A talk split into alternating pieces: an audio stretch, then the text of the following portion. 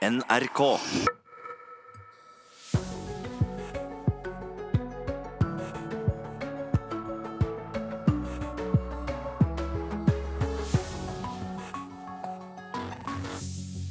Norge om 80 år. Flom og jordskred på steder vi ikke har sett det før.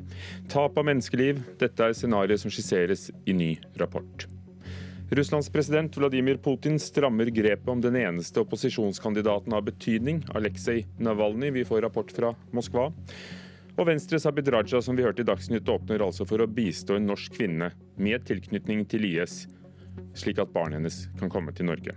Og skal vegetarpølse og burger hete vegetarrør eller plate? Det hørtes ut som noe man har på kjøkkenveggen. Rør forbinder med noe annet med enn mat. Ja. Velkommen til Nyhetsmorgen frem til klokken ni her i NRK P2 og Alltid nyheter og på NRK1. Mer regn, flere flommer og flere skred over hele landet. Om 80 år vil klimaet ha endret eh, hverdagen for eh, folk flest, ifølge en ny rapport. Jeg holdt på å si de fleste av oss, men de fleste av oss er neppe her da.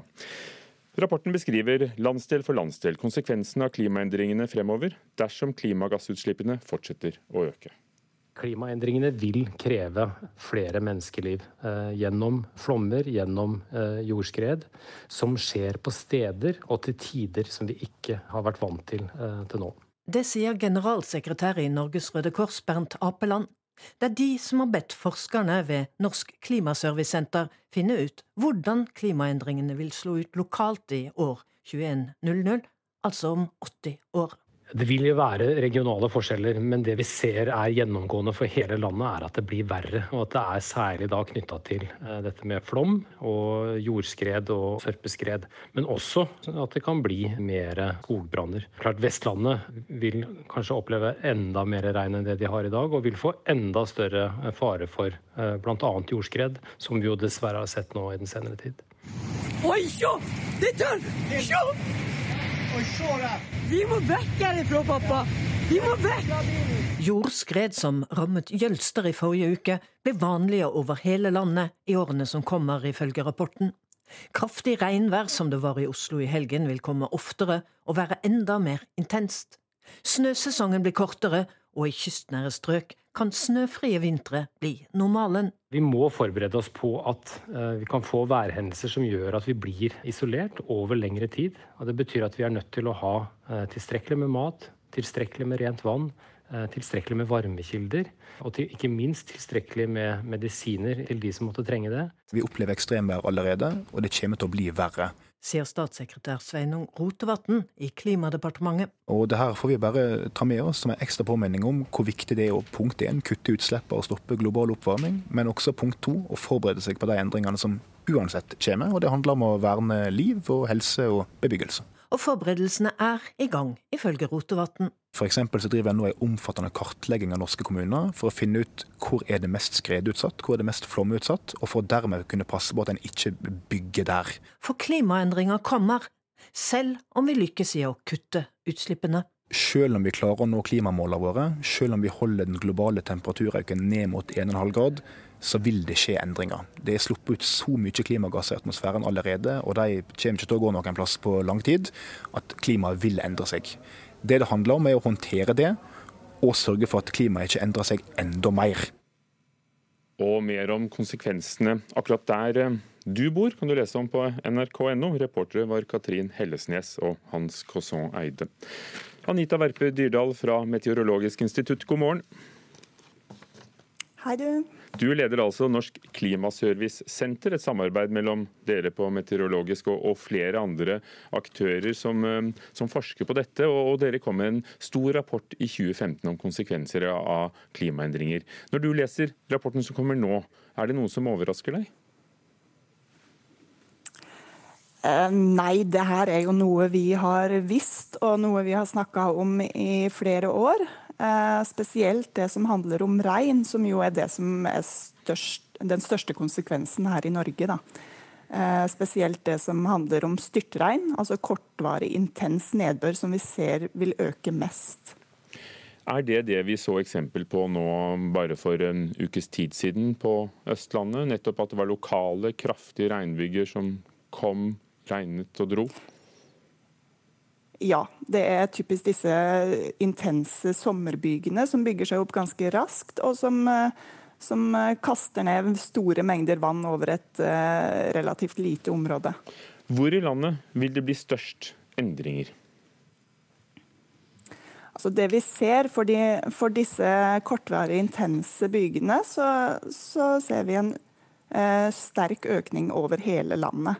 Eh, en sterk prosentvis økning opp mot 50 eh, Men det er klart at eh, vi opplever jo eh, mye flere av de her i sør, der vi har varm og fuktig luft som er hovedingrediensen for, for eh, disse byggene. Så i absolutte tall så vil vi ha en, den største økningen her. Men hvorfor blir det mer av disse kortvarige, kraftige bygene? Eh, jo, Som jeg nevnte, så, så, trenger de eh, fuktig og varm luft. Og I et varmere klima så vil det være mer tilgjengelig varm luft, og varmere luft kan holde på mer fuktighet. Derfor vil det være også mer eh, tilgjengelig fuktighet. Noe av det vi har vært opptatt av de siste ukene i, i Norge, er skred. Ikke minst pga. de mange jordrasene som gikk ved Jølstravatnet. Eh, skred er noe vi kommer til å se mer av. Hvor, og er det steder vi ganske enkelt ikke bør bo lenger? Ja, det er jo skredutsatte steder som Det er jo typisk eh, bratt terreng. Mye, mye av det på Vestlandet. Og vi har jo veldig mye bebyggelse i sånt terreng i Norge. Eh, og så har vi mye bebyggelse langs eh, i, i flomsoner, eller i nærheten av dagens flomsoner, som kan utvides i fremtiden. Eh, langs eh, de store vassdragene våre. Eh, så her er det, er det, grunn til å ha økt aktsomhet. Eh, og vurdere om ja, for det første hvordan man kan sikre eksisterende bebyggelse, og, og hvor man skal gi tillatelse til å bygge nytt. Det er jo så mange elementer som blir trukket frem, bl.a. stormflo. Pga. havstigning vil det bli mer stormflo, spesielt i Rogaland. Hvilke hensyn bør vi ta? Ja, Da er det jo viktig å bygge, bygge trygt. Eh, og DSB gir ut anbefalinger om klimapåslag for stormflo. Og da ser, ser vi at det er Eh, de største klimapåslagene for stormflo er i Rogaland, men også andre steder langs, langs kysten i Norge der eh, stormfloen kan øke mye. Eh, og da, da gjelder det som sagt å, å bygge, bygge trygt. Vi har jo hatt istid, og vi har hatt varmere perioder og kaldere perioder. Er det nye nå at endringene går så mye raskere? Eh, ja, det er det som hovedsakelig er nytt. Vi har aldri sett en så rask økning i global eh, middeltemperatur som nå. Eh, I tillegg så har vi aldri vært så mange mennesker på kloden som, som har blitt vant til et visst klima. Men vi er fortsatt bare fem-seks ja, vi er fortsatt bare fem-seks millioner mennesker i Norge. Er det noe som tyder på at vi ikke vil klare å tilpasse oss dette, sånn som vi har tilpasset oss endringene gjennom de tidligere århundrene? Eh, jeg tror absolutt at Norge har mulighet til å tilpasse seg det klimaet vi får. Men det, men det krever en større innsats enn, en det vi har i dag. Både på klimatilpasning. Eh, kommunene må tenke klimatilpasning i all planlegging og utbygging. Eh, men òg utslippskutt der alle sektorer og, og enkeltpersoner må gjøre sitt. Takk skal du ha. Anita Verpe Dyrdal fra Meteorologisk institutt og leder av Norsk Klimaservice Senter. Da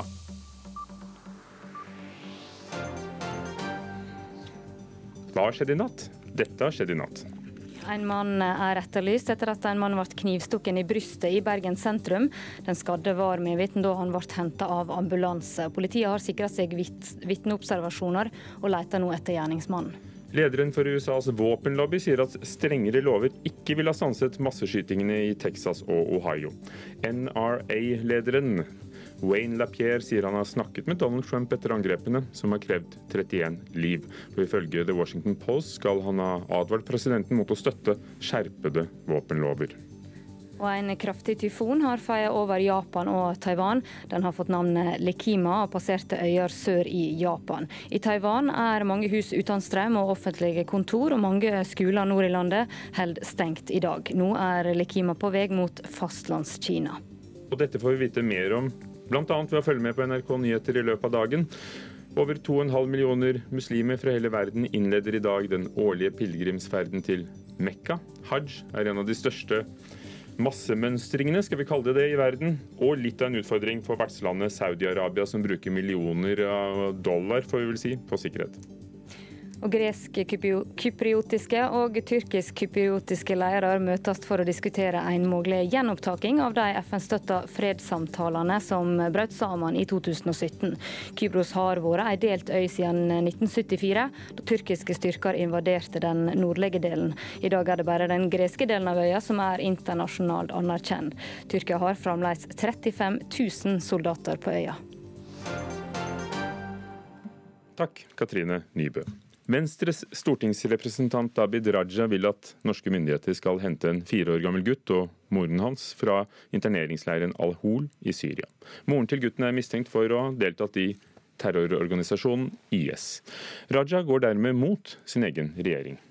Vi politikere vi kan ikke stå stille passivt og se på at denne gutten potensielt kan dø eh, fordi at han ikke får den medisinske hjelpen som han kan få her hjemme i Norge. Det sier Venstres Abid Raja etter å ha sett et NRK-innslag fra Al-Hol-leiren i Syria.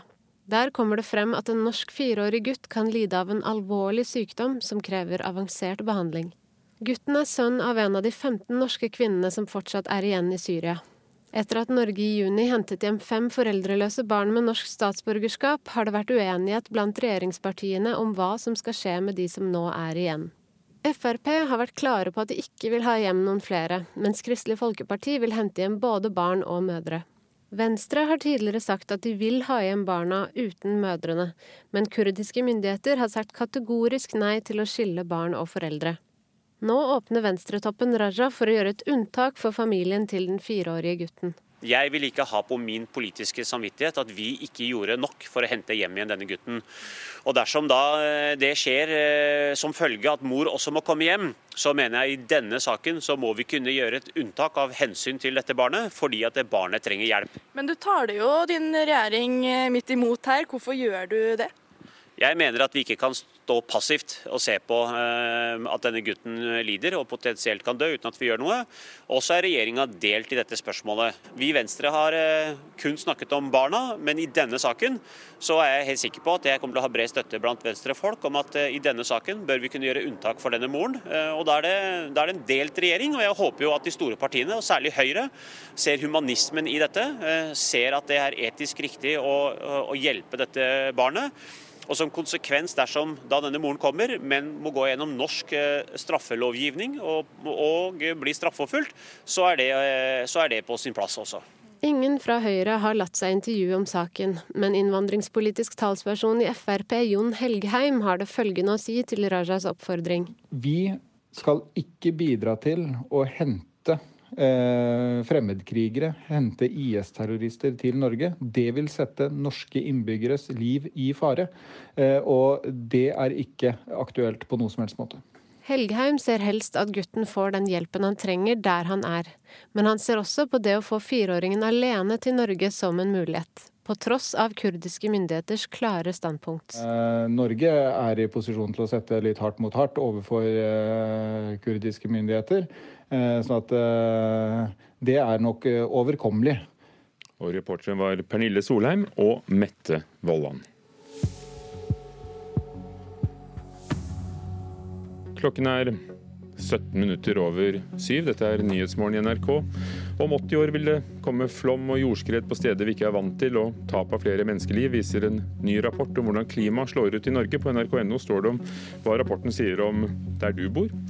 Venstres Abid Raja åpner altså for å hjelpe en norsk kvinne med tilknytning til IS, slik at hun og barnet hennes kan komme til Norge. Og en EU-komité vil forby tradisjonelle kjøttnavn på vegetarmat, og foreslår å kalle vegetarpølse for veggisrør. I Russland har politiet sperret alle bankkonti som er knyttet til opposisjonspolitikeren Aleksej Navalny. Han er grunnleggeren av Fondet for kampen mot korrupsjon, en organisasjon som arbeider med å avsløre korrupsjon blant russiske toppledere. Han sitter for tiden i, i, i fengsel etter å ha blitt arrestert for å oppfordre til de demonstrasjonene som ledet til mange arrestasjoner for uh, en liten tid siden. Og Politiet anklager dette fondet mot korrupsjon for å ha tatt imot store pengebeløp som stammer fra kriminell virksomhet. Jan Espen Kruse, korrespondent i Moskva.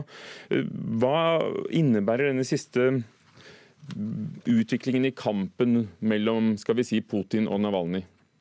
Dette er en uh, veldig alvorlig situasjon for uh, Aleksej Navalny. Uh, politiet hevder at fondet hans har tatt imot 1 milliard rubler, altså om lag 140 millioner norske kroner, som de burde burde hvite stammet fra ulovlig virksomhet. Og, og det at eh, myndighetene nå nærmest har økonomisk strupetak på eh, Navalny og fondet hans, det eh, er, er, veldig alvorlig og gjør det jo veldig, veldig mye vanskeligere for han å fortsette å drive sin virksomhet når han kommer ut av fengselet, har sonet ferdig disse 30 dagene som han er sperret inne for nå. Og dessuten så har man jo gått løs på og etterforsker veldig mange av hans medarbeidere også. Så dette er eh, på mange måter et frontalangrep mot, eh, mot Navalny. Navalny, som jo mener at han ble forgiftet i fengsel, eh, han ble jo innlagt på sykehus for et par ukers tid siden. Hvordan omtaler russiske medier denne siste utviklingen? Ja, eh, Russiske medier gjengir den offisielle versjonen. Eh, slipper til eh, politikere som hevder at Navalny støttes av, av utlandet. Spesielt EU og USA blir pekt ut, og at dette er mistenkelig. At utlandet ønsker å få til et regimeskifte i Russland. Så, så russiske medier er ikke veldig objektive i denne saken. De slipper ikke akkurat til Navalny med hans synspunkter. Hver lørdag er det jo eh, er det demonstrasjoner fra opposisjonen i Moskva. og Der krever de at kandidatene får delta i lokalvalget i september. De neste opposisjonene nå i morgen, kan det knyttes til, eh, til denne siste sperringen av bankkonti og, og det som skjer der? Det er vel vanskelig å se at det skulle være helt tilfeldig at denne kraftige økonomiske etterforskningen av Navalny og hans fond eh, kommer helt tilfeldig, samtidig med at eh, han har vært i stand til å gjennomføre de største demonstrasjonene i, i Moskva på veldig mange år. Eh, sannsynligvis er det en, en sammenheng her men, men, det er jo litt vanskelig å, å, å, å, påstå. Man har jo ikke noe bevis for det. Men det er altså en veldig eh, hard politisk kamp som pågår mellom myndighetene og Navalny, og mye tyder jo på at de ønsker å bli kvitt han. Er det kommet frem noe mer om hvorvidt han ble forgiftet eller ikke? Eh, på sykehuset er det sagt at, han, eh, at, eh, prøvene ikke viste at han hadde blitt forgiftet, men at det dreide seg om en allergisk reaksjon. Og han ble jo sendt tilbake fra sykehus til fengselet uten at noe mer dramatisk skjedde der. Så behandlingen han fikk var for allergi. og Det er vel mye som tyder på at det er det som, det, det dreier seg om, selv om hans tilhengere ikke utelukker dette med forgiftning fortsatt. Har han noen sjanse til å til å lede en opposisjon som kan være et alternativ til, eh, til Putin? Hvis eh, han og hans eh, tilhengere hadde eh, blitt valgt inn i bystyret i Moskva i september, så ville han kunne skaffe seg en politisk plattform. og Om to år så er det, er det parlamentsvalg i Russland.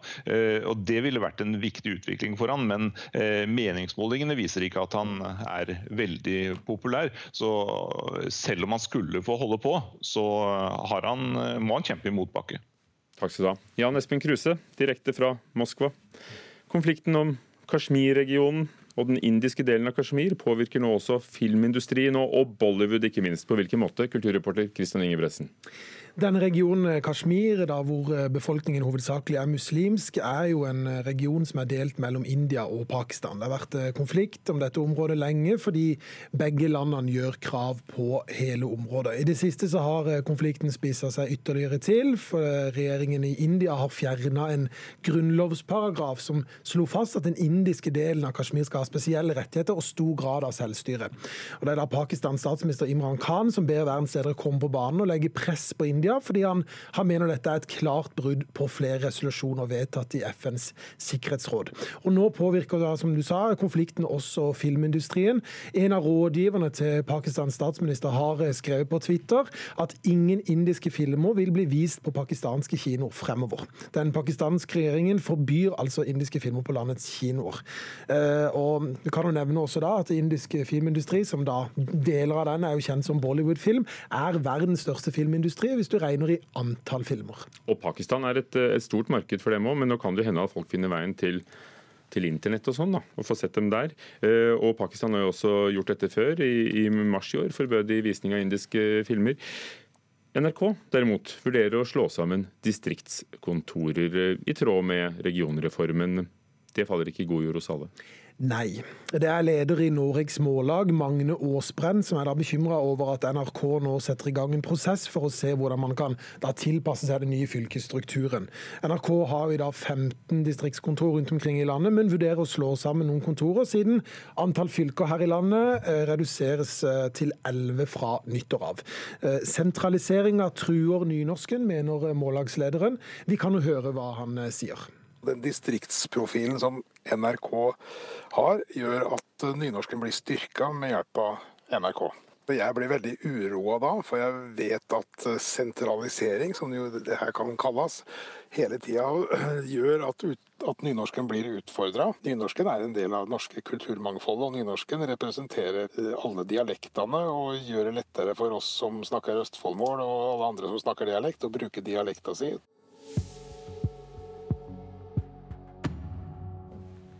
Gjert Ingebrigtsen er en kjent far og trener, og er ekstra engstelig for at sønnene hans, friidrettsutøvere, skal ut på 1500, 3000 og 5000 meter mot antatt svakere løpere. For skader må unngås når det er under to måneder igjen til VM.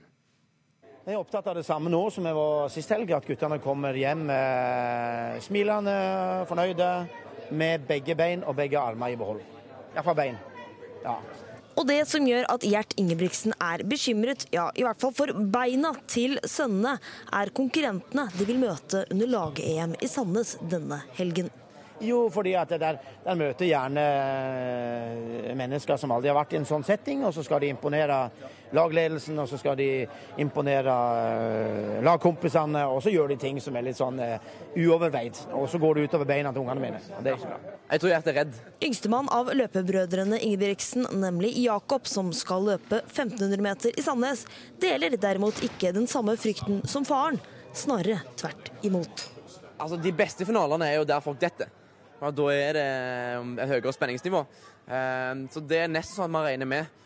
Hvis man ikke detter, og hvis vi ikke får en, en, en albue i, i, i, magen, så, så, er det et dårlig løp. Alt sånn som det her er litt sånn bingopreg. Eh, og sånn er det jo med alle mesterskap. Eh, det er litt annerledes med mesterskap som anses å være tellende i noen form. Så det, det her er litt sånn. Her må vi være litt forsiktige.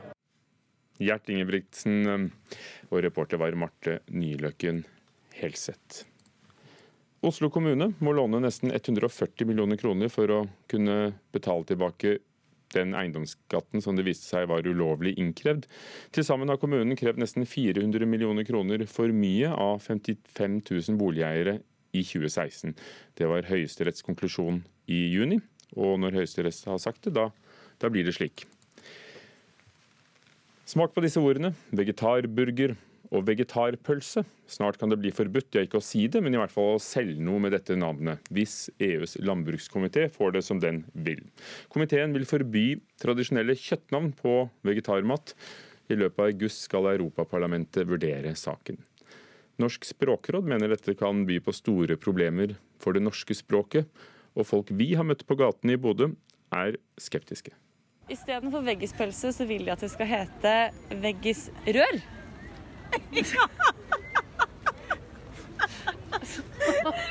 Det er det 1. april i dag. Det nye navneforslaget til EU-komiteen vekker mer latter enn appetitt. Rør forbinder med noe annet med enn mat. Ja. Men eh, de kom jo med et forslag til veggisburger òg, da. Det er veggisplate. Er det bedre? Overhodet ikke. Det hørtes ut som noe man har på kjøkkenveggen. Ja. Men forstår dere tanken bak? Nei. Og ikke blir vi sultne av det heller. første man tenker er jo litt sånn å himle med øynene og tenke er det virkelig nødvendig å ha regler for dette her? Heller ikke Pål Torbjørnsen i Norsk Vegetarforening er særlig positiv til forslaget. Det er allerede noen land og stater som har dette forbudet. Nå er det altså oppe til diskusjon i EU, og en avgjørelse skal tas i løpet av august. For det første vil vi som spiser mye vegetar og veganer tenke at jøss, er dere ute etter å angripe oss? Og så vil man tenke at egentlig viser dette at dette er at vegetar og veganmat er på frammarsj. da. Det er vel kanskje det viktigste her. At flere og flere ønsker disse produktene, og da må det komme regler for dem. Sånn at vi blir på en måte tatt mer seriøst og tatt inn i varmen også. Inni varmen eller ikke, navneforbudet er Torbjørnsen lite begeistret for. Ja, Det er nok ikke navn som kommer til å få så mye framtid, tror jeg. Vi i Språkrådet er skeptisk til det å ja, nærmest forby eh, vanlig norsk eh, språkbruk. Sier seksjonssjef Daniel Ims. Dersom forslaget blir vedtatt, og det blir forbudt å bruke kjøttnavn på vegetarmat, så vil forbudet kun gjelde de som selger produktene, men ikke gjelde oss i hverdagen. Altså, det kan ikke forby deg og meg å, å kalle noe ei pølse, f.eks. Skal det være et veggisrør i sola? Nei takk, det går fint. Pølse eller rør, det var Therese Bergersen som hadde vært på gaten i Bodø og laget denne reportasjen. Vil Kristelig Folkeparti skifte side? Ja, ikke nasjonalt selvfølgelig, for det ble jo avgjort uh, i fjor, men i Stavanger, fra et samarbeid med Høyre til venstresiden.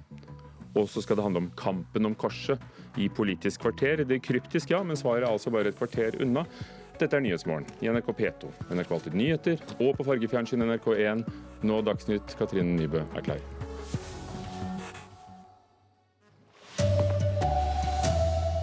Om 80 år vil det komme flaumer og jordskred på steder vi ikke er vant til, og tap av flere menneskeliv, det viser norsk rapport.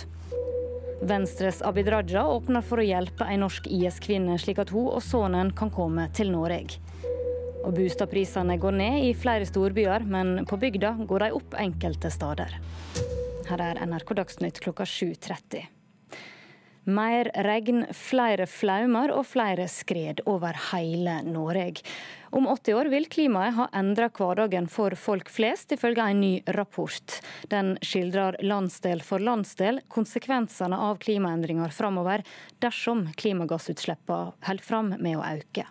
Klimaendringene vil kreve flere menneskeliv eh, gjennom flommer, gjennom eh, jordskred, som skjer på steder og til tider som vi ikke har vært vant til eh, til nå. Det sier generalsekretær i Norges Røde Kors, Bernt Apeland. Det er de som har bedt forskerne ved Norsk Klimaservicesenter finne ut hvordan klimaendringene vil slå ut lokalt i år 2100, altså om 80 år. Det vil jo være regionale forskjeller, men det vi ser er gjennomgående for hele landet, er at det blir verre. Og at det er særlig da knytta til eh, dette med flom og jordskred og sørpeskred. Oi, se! Dette Se! Vi må vekk herifra, pappa! Vi må vekk! Jordskred som rammet Jølster i forrige uke, blir vanligere over hele landet i årene som kommer, ifølge rapporten. Kraftig regnvær som i Oslo i helgen vil komme oftere og være enda mer intenst. Vi opplever ekstremvær allerede, og det kommer til å bli verre. Sier statssekretær Sveinung Rotevatn i Klimadepartementet. Og det her får vi bare ta med oss som en ekstra påminning om hvor viktig det er å punkt 1, kutte utslipp og stoppe global oppvarming, men også punkt 2, å forberede seg på de endringene som uansett kommer. Og det handler om å verne liv og helse og bebyggelse. Du kan lese mer om klimakonsekvenser der du bor på nrk.no. Reportere her var Katrin Hellesnes og Hans Kåsså Eide.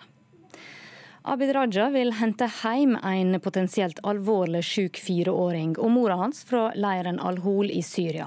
Mora til gutten er mistenkt for deltaking i terrororganisasjonen IS. Raja går med det imot sin egen regjering, som har sagt at det ikke er regjeringa sin politikk å hjelpe kvinnelige fremmedkrigere tilbake. Vi politikere vi kan ikke stå stille passivt og se på at denne gutten potensielt kan dø eh, fordi at han ikke får den medisinske hjelpen som han kan få her hjemme i Norge. Det sier Venstres Abid Raja etter å ha sett et NRK-innslag fra Al-Hol-leiren i Syria. Der kommer det frem at en norsk fireårig gutt kan lide av en alvorlig sykdom som krever avansert behandling.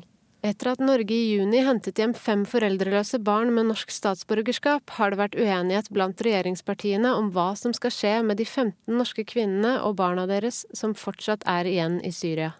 Venstre har tidligere sagt at de vil ha hjem barna uten mødrene, men kurdiske myndigheter har sagt kategorisk nei til å skille barn og foreldre. Nå åpner venstretoppen Raja for å gjøre et unntak for familien til den fireårige gutten. Jeg håper jo at de store partiene, og særlig Høyre, ser humanismen i dette. Og som konsekvens dersom da denne moren kommer, men må gå gjennom norsk eh, straffelovgivning og bli straffeforfulgt, så er det på sin plass også. Ingen fra Høyre har latt seg intervjue om saken, men innvandringspolitisk talsperson i Frp, Jon Helgheim, har det følgende å si til Rajas oppfordring. Vi skal ikke bidra til å hente hente fremmedkrigere, hente IS-terrorister til Norge. Helgheim ser helst at gutten får den hjelpen han trenger der han er, men han ser også på det å få fireåringen alene til Norge som en mulighet. Reportere var Pernille Solheim. Det kan gå mot nyvalg i Italia. Det varsler innenriksminister Matteo Salvini, som med sitt parti Lega leder ei koalisjonsregjering med fem, femstjerners rørsler. De to partiene er på kollisjonskurs i ei rekke saker, og denne veka så har det toppa seg. Utenriksmedarbeider Charlotte Bergløf, hva er årsaka til at Salvini ikke ser noen annen utvei enn nyvalg? Internasjonalt så har jo Salvini markert seg tydelig i migrantspørsmålet, men det er ikke årsak til denne striden med femstjernersbevegelsen. Dette handler om en ny jernbanestrekning for høyhastighetstog mellom Torino nord i Italia og Lyon i Frankrike. Eh, femstjernersbevegelsen mener at prislappen er altfor stiv. Eh, bare denne tunnelen gjennom Alpene kan koste så mye som 8,6 milliarder euro. Men Salvini han mener at dette her eh, er nødvendig for å sikre entreprenører i Nord-Italia oppdrag, og dette er jo Salvinis hjemmebane, Nord-Italia. Hva andre områder er det de har vanskelig for å samarbeide om? Disse to partiene er jo i strid på en rekke rekke områder. Det handler om skattepolitikk, energi, rettsreform, regionalt selvstyre og relasjonene med det øvrige Europa. Der har vi sett at det har tilspisset seg med disse to regjeringspartnerne. Hvor til slutt, hva skjer nå? Jo, nå er det hektisk møteaktivitet. Statsminister Giuseppe Conti han holdt uh, i går en rekke møter med de ulike partene. og Så får vi se hvordan dette her vil utspille seg gjennom dagen. Takk skal du ha, utenriksmedarbeider Charlotte Bergløff. Lederen for USAs mektige våpenlobbygruppe NRA sier at strengere lover ikke ville ha stoppa masseskytingene i Texas og Ohio. Etter skytemassakrene i USA før helg har presidenten åpna for å innføre strengere bakgrunnskontroller før en får kjøpe våpen. NRA-lederen Wayne LaPierre sier at han har snakka med Donald Trump etter åtakene, som kravde 31 liv. Ifølge The Washington Post skal LaPierre ha advart presidenten mot å støtte støtte skjerpa våpenlover. Det å flytte til mindre tettsteder er mer populært enn noen gang. Denne veka kom det tall som viste at boligprisene faller med 1,1% i juli. Oslo, Stavanger og Drammen var noen av byene med prisfall. Men folk strømmer til bygda, t.d. til Trysil. Det er fortsatt litt mye saker overalt eftersom vi precis har flyttet, Så. Tove Ljunggren og kjæresten flyttet sammen til bygda Trysil i juni. Det er jo et litet sted, men det blir jo pop mer populært hele tiden, og spesielt på vinteren. Og de er ikke de eneste som har valgt å flytte til en mindre plass. Bygdene i Hedmark har hatt en prisvekst på 46 de siste fem årene, og prisveksten merkes i Trysil. Nå er det nesten boligmangel. Det er lite tilgjengelig. Det er nesten ikke noe for salg. Det forteller Thomas Rusten i Eiendomsmegler 1 Trysil. På mandag publiserte Eiendom Norge et tall som viste at boligprisene falt med 1,1% i juli. Oslo, Stavanger og Drammen var noen av byene med prisfall. Men det gjelder ikke store deler av Bygde-Norge. Boliganalytiker i Prognosesenteret Bjørn Erik Øie sier det mest sannsynlig er tradisjonen med folkesjela som gjør at folk flytter til bygda. Når vi spør hva de drømmer om, altså hva de tror de skal bo om ti år, så er det enebolig og med landlige omgivelser som, som, stikker ut. Så det at bygda sånn sett er blitt mer populær, det, det, det har å gjøre med folkesjela. Altså hva vi egentlig primært ønsker å bo, da, om alle andre forhold ga oss lov til det. Det sa altså bostadanalytiker i Prognosesenteret, Bjørn Erik Øie. Reporter i denne saka var Victoria Hellem Hansen. Én av tre studenter fullfører ikke utdanninga de starter på. Av studentene som starta på universitets- og høgskoleutdanning i 2010, så hadde 66% fullført en grad i løpet av åtte år. Det viser tall fra Statistisk sentralbyrå. Bjørnar Våland Roth er en av de som droppa ut. Da satt jeg der i den store salen på bakerste rad eh, med 400 mann, og da var jeg litt sånn hva i all verden gjør jeg her? Bjørnar Våland Rott fra Sandnes tenker tilbake da han startet på økonomi- og administrasjonsstudiet ved Universitetet i Stavanger. Etter et halvt år ble han klar over at han var på feil plass. Ja, og Så begynte det å komme tanker om at eh, jeg vil jobbe med mennesker, jeg vil kanskje ha en sikker utdannelse der jeg blir utdanna til noe. Og da endte det med at jeg bytta til lærerutdannelse etter et år. Ifølge tall fra Statistisk sentralbyrå slutter én av tre studenter på studiet de begynte på. Ja, jeg er egentlig litt bekymret over eh, de tallene. Men eh, jeg tror det er en del ting eh, universitetene og høyskolene kan gjøre for å forbedre disse tallene. Det sier Joakim Børli, leder for studentorganisasjonen STOR ved Universitetet i Stavanger. Da noe jeg tror kan gjøres, handler om at man, studentene får bedre veiledning på det arbeidet de leverer på universiteter. Vi må heve ambisjonsnivået og bli mer bevisste på å bedre både gjennomstrømningen og gjennomføringsgraden. Det sier Klaus Moen, han er rektor ved Universitetet i Stavanger. Han vil sette ned et utvalg i samarbeid med studentene for i fellesskap finne tiltak som kan sikre at flere studenter fullfører. Det å skape generelt sett et bedre læringsmiljø, fokusere på trivsel og sosiale aspekter som gjør at studentene føler seg sett og inkludert. Og det vil gi en tilhørighet som jeg tror eh, motiverer studentene over tid. Det sa eh, Klaus Moen, som var rektor ved Universitetet i Stavanger. Reportere var Katrine Oftedal. Ansvarlig for Dagsnytt, Anne Skårseth. I studio, Katrine Nybø.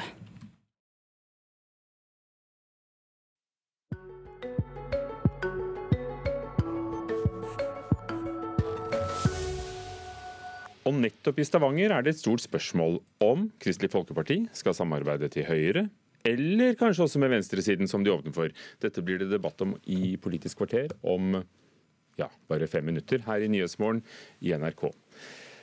Men aller først om et tilbud fra Turistforeningen, som ønsker at flere skal reparere turtøyet de allerede har, fremfor å kjøpe nytt. Det viser seg at nordmenn er i verdenstoppen når det gjelder å kjøpe nye klær.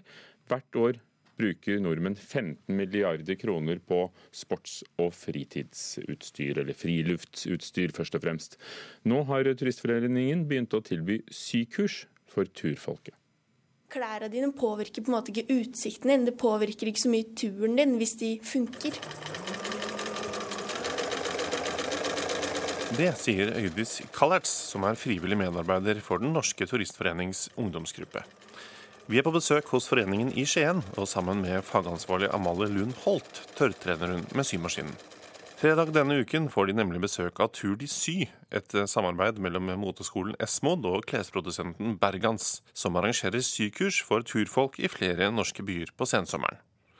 Alle som er interessert, kan ta turen for å få hjelp med å reparere turklærne sine gratis. Legg så kommer vi i DNT Ung Telemark og DNT Ung Getval til å arrangere et lite bruktmarked, hvor man kan ta med seg da eh, brukte klær som man kanskje ikke bruker så mye lenger, eh, men som fremstår da eh, allikevel som veldig brukbart. Hvorfor tror du nordmenn kjøper så mye nytt hele tida?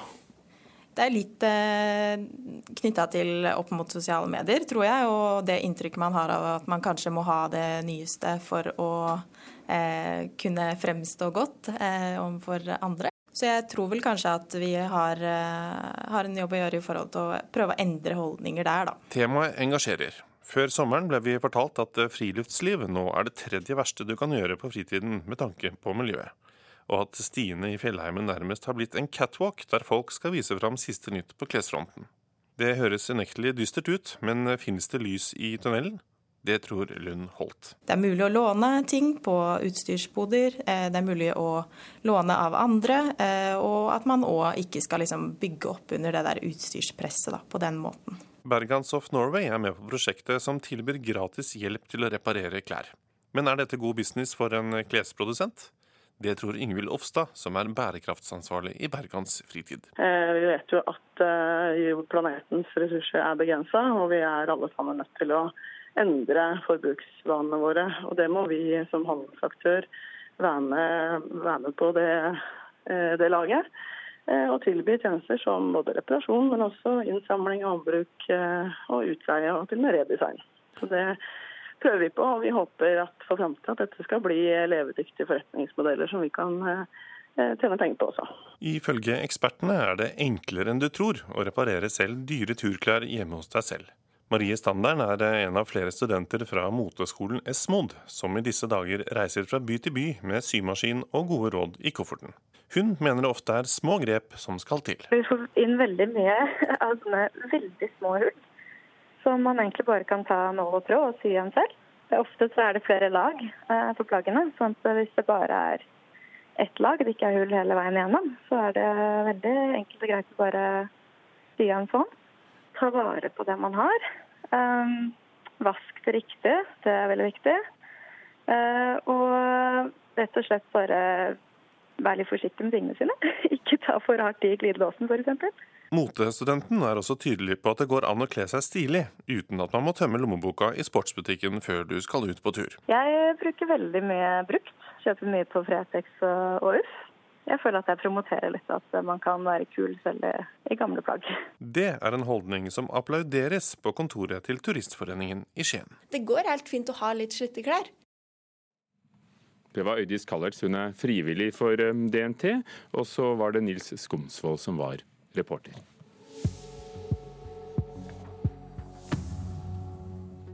Klokken er straks kvart på åtte. Du lytter til Nyhetsmorgen.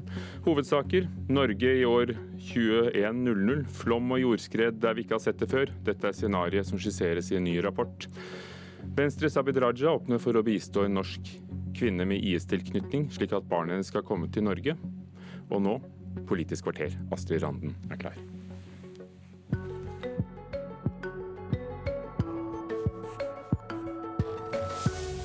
Etter å ha sikra Høyre ordførermakta i Stavanger i ikke mindre enn 24 år, åpner KrF for å skifte side. Og eh, ny bok om KrF sitt retningsvalg, Sylvi Listhaug, klarte å splitte partiet, hevder forfatter. God morgen, dette er Politisk kvarter. I oljehovedstaden Stavanger har KrF stått fjellstøtt ved Høyre sin side i 24 år, men nå kan det bli nye takter. Førstekandidat i nye Stavanger KrF, Henrik Halleland. Hva er det som gjør at du nå åpner for et mulig samarbeid med venstrepartiene i byen? Ja, altså det, det, handler jo om at KrF er et helt klart og tydelig nei, et, et, sentrumsparti. og det vil si at Vi kan samarbeide begge veier, både til venstre og høyre i, i politikken. Og det er klart at Vi ønsker at i Stavanger så skal det komme mest mulig eh, KrF-politikk. og Da er det sånn at før et valg så går vi ut og sier at vi kan samarbeide begge veier. Sist måling i Stavanger, publisert i Stavanger Aftenblad, den viste at blå side mista flertallet. Er det redselen for tap som gjør at du nå åpner for å skifte side? Nei, nei, på ingen måte. Dette har vært KrF sin strategi i mange år i Stavanger. Det er klart Vi har havna i et samarbeid på, på høyresida i, i, i, mange år. Nå er, det, nå er, det, nye Stavanger, litt nye koster. Sånn at vi, vi ser at det kan være et alternativ med et stabilt styresett på venstresida. Ja, hva er det som frister det med venstresida? Hva saker tenker du at du kan få gjennomslag for der som du ikke har gjort med Høyre i disse åra? Nei, nå har jo vi sagt at vi skal diskutere dette når det foreligger et valgresultat. og Det er jo det som blir interessant. Når det ligger føre, så skal vi da sette oss ned og se hvor vi kan få igjen mest KrF-politikk. Det er det som er, som er, vår jobb, og det er det som er vårt mandat fra velgerne, og det skal vi gjøre. Men hva saker er det som kan vippe det til ene eller andre sida, da? Nei, det, det, som sagt, det, det, vil vi jo se. Men, men, men vi, har, vi, har, saker som innenfor skole, f.eks., der det kan være aktuelt å samarbeide med, med venstresida. Vi har innenfor helse, der det er saker som kan være aktuelle. Så, så vi kan finne mye der som, som, som, som er interessant for KrF. Du og Ditt fylke var eh, sterk pådriver for at KrF skulle velge blå side på riksplan. Og flere hevda at Rogaland KrF var tunga på vektskåla og de som faktisk avgjorde retningsvalget og regjeringsmakta. Hvorfor så blå på riksplan og så åpne for et samarbeid ved venstresida lokalt? Altså Det handler jo litt om når en gjør ting. Og det er klart at Nå står vi i forkant av et valg, og det er da vi skal gjøre disse vurderingene som et politisk parti. Eh, det som KrF gjorde i høst, var jo litt spesielt, i og med at da hadde en nettopp gjennomført et stortingsvalg. Det var bare ett år etterpå.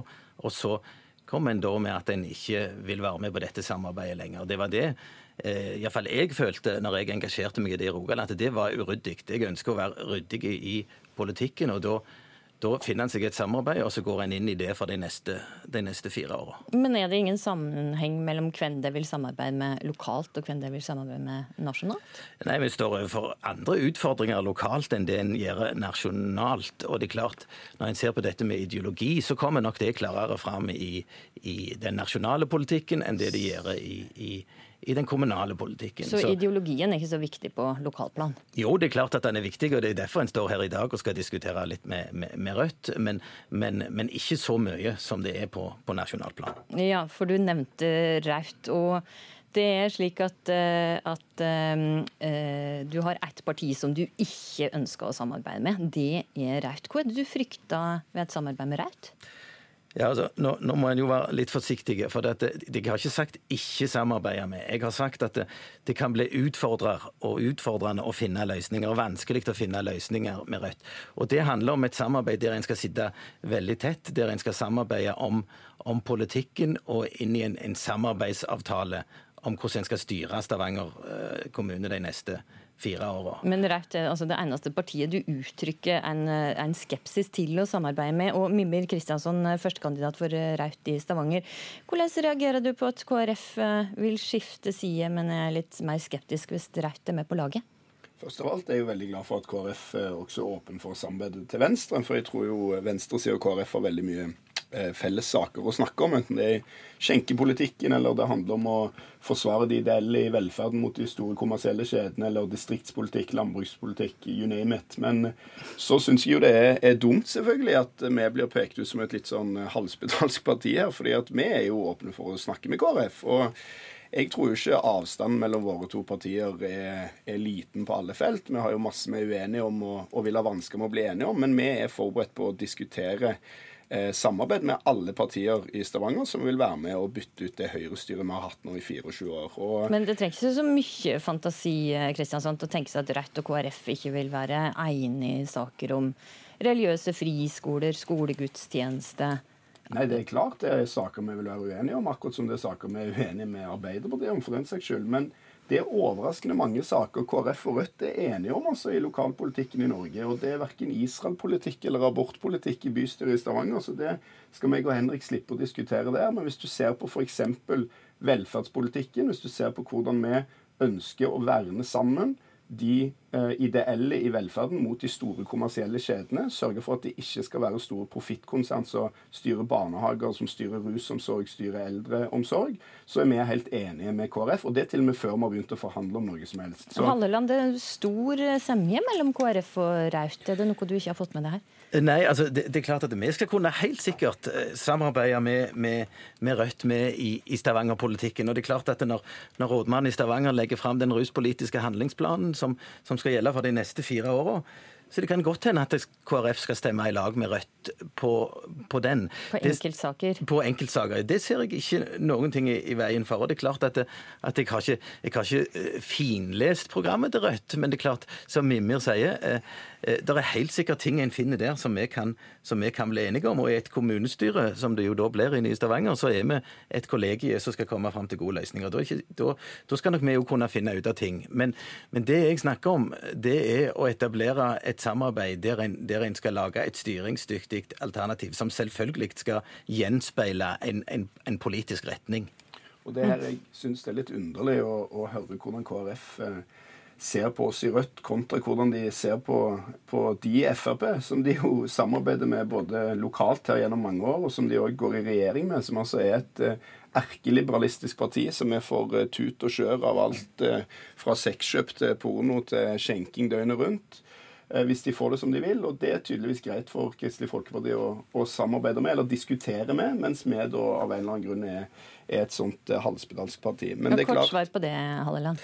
Nei, altså det, det, er klart. Eh, vi er som sagt et, et sentrumsparti. Og, og både Rødt og Frp er, er partier Rødt langt ute på venstresida og Frp på, på høyresida. Det er klart at det, at det er nok utfordrende for, for et så tydelig sentrumsparti som KrF og samarbeider begge disse begge disse veiene. Eh, så, ja. Forstår. NRK intervjua Arbeiderpartiet sin ordførerkandidat i Stavanger i går. Hun ville ikke svare på hvem hun helst ville velge, men, hun og sa at hun ville snakke med alle. Det samme sier Høyre sin ordførerkandidat. Kristiansson, frykter du at Arbeiderpartiet kommer til å velge sentrum i stedet for Raut? Jeg eh, må innrømme at jeg av og til bekymrer meg for det før jeg skal legge meg. Ja. At Hvis du ser på hvordan Arbeiderpartiet styrer f.eks. i Bergen og i Trondheim, så har Arbeiderpartiet valgt sentrumspartier framfor å velge venstrepartier. Og Jeg kan skjønne at det er fristende òg, for det er på en eller annen måte med å, å sikre flertall noen steder. Men altså i Stavanger så er det sånn at Rødt er større enn Kristelig Folkeparti nå på sist måling. Og jeg tror at alle Litt større, da. Ja, bitte litt. Men riktignok større. Det er milepæl for oss. så Dette er en bedehusby, ikke en, eh, ikke en kommunistby. Sånn, så det er godt å høre at vi er større enn de endelig. Men når det er sagt, så tror jeg at det store flertallet av Arbeiderpartiets velgere, og ikke minst i fagbevegelsen og i LO, så er det ganske sikkert hva som er det foretrukne alternativet. Og det er et tydelig venstrealternativ og ikke et sentrumsalternativ. Så håper jo vi at Ap skal slippe å ta det valget, da. For vi setter oss jo gjerne og diskuterer med Henrik og KrF og for så vidt alle partier som er med på å bytte ut Høyre. Men hvis de må velge mellom oss og KrF, så vil jo jeg advare de på det sterkeste mot å velge Kristelig Folkeparti. Det tror jeg mange Ap-folk vil bli skuffa over hvis partiet velger gult framfor rødt. Ok, Det blir spennende å følge valgkampen i Stavanger, og hvem som ender opp med å støtte Kven. Vi lover å følge med. Takk for at det var med fra studio i Stavanger, Henrik Halleland og Mimir Kristiansson.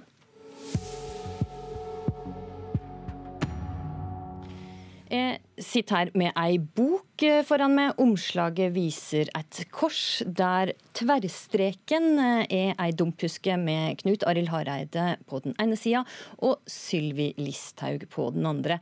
Kampen om korset i politikken, heter den. Og jeg skriver av det Helge Simones, tidligere sjefredaktør i Vårt Land. Og vi får begynne med Frp-nestleder Sylvi Listhaug. Du skriver at hun fikk stor påvirknad på KrF da de skulle gjøre sitt retningsvalg i fjor høst, og at hun klarte å splitte KrF-erne. På hva måte klarte hun det? Ja, Det riktige er at eh, Sylvi Listhaug hadde sterk innvirkning lenge før eh, Hareide kunngjorde sitt retningsvalg. Eh, det var jo en veldig sterk eh, Mange store feider mellom, eh, mellom Hareide og Listhaug fra 2017 og fram til 2018, eh, der hun måtte gå av som statsråd. Vi husker bl.a. imamsleiking. Og... Imamsleik og eh, et parti uten ryggrad og masse ting. Og eh, Det er jo dette jeg har interessert meg for, og jeg hadde planlagt å skrive bok lenge før eh, Hareide eh, kunngjorde retningsvalget. Og så kom KrF-prosessen for fullt, og da fant jeg ut at da måtte jeg også beskrive det samme, samtidig. Naturlig nok. Hva del av Kristen-Norge er det som Sylvi Listhaug har klart å appellere til? Å appellere til en del av det som tidligere er blitt kalt Eh, sånn eh, grunnfjellet til, eh, til KrF, særlig på, i vestlandsfylka. Og, men du finner det over hele landet personer som synes at Listhaug fører et språk som de gjerne skulle sett at KrF fortsatt førte. Mm. Og Det er et veldig sånn overordna språk. det er norske kristne verdier, og du drar fram korset i politikken. og Det er derfor de også har kalt boka eh, 'Kampen om korset i politikken'.